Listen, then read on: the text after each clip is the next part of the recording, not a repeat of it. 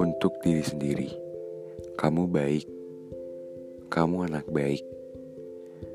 Hanya saja, kamu tidak bisa mengekspresikan perasaanmu yang sesungguhnya dengan cara yang seperti mereka harapkan. Kamu memang anak yang cuek, acuh, dan keras kepala. Tapi yang sesungguhnya di dalam hatimu, ada sisi kelembutan yang belum bisa kamu utarakan secara langsung kepada mereka. Tidak usah marah pada dirimu sendiri. Jangan menyalahkan diri sendiri karena tidak bisa mengutarakan rasa empati dan simpati dengan baik kepada mereka.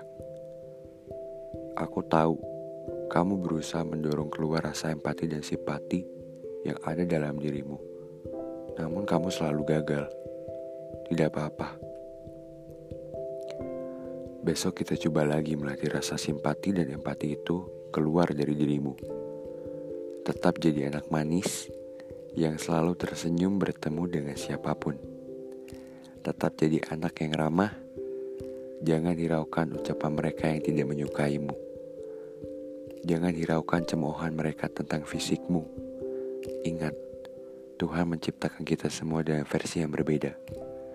Kamu cantik dengan versimu sendiri. Begitu pula dengan mereka. Tetaplah melangkah dengan percaya diri untuk mensyukuri apa yang sudah Tuhan berikan kepadamu selama ini. Tetap semangat, selalu positif thinking, bahwa besok akan lebih indah dari hari ini.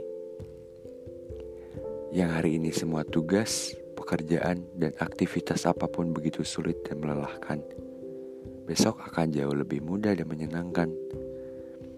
Aku mencintai orang-orang yang selalu ada untukku orang yang selalu baik padaku, yang jahat padaku, yang berkomentar buruk padaku, yang membenciku.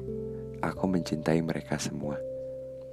Cukup kekesalan itu aku tinggalkan malam ini. Besok akan ada banyak cinta yang aku dapat dari diriku. Keluargaku, teman-temanku, dan orang-orang baru yang akan ketemui besok.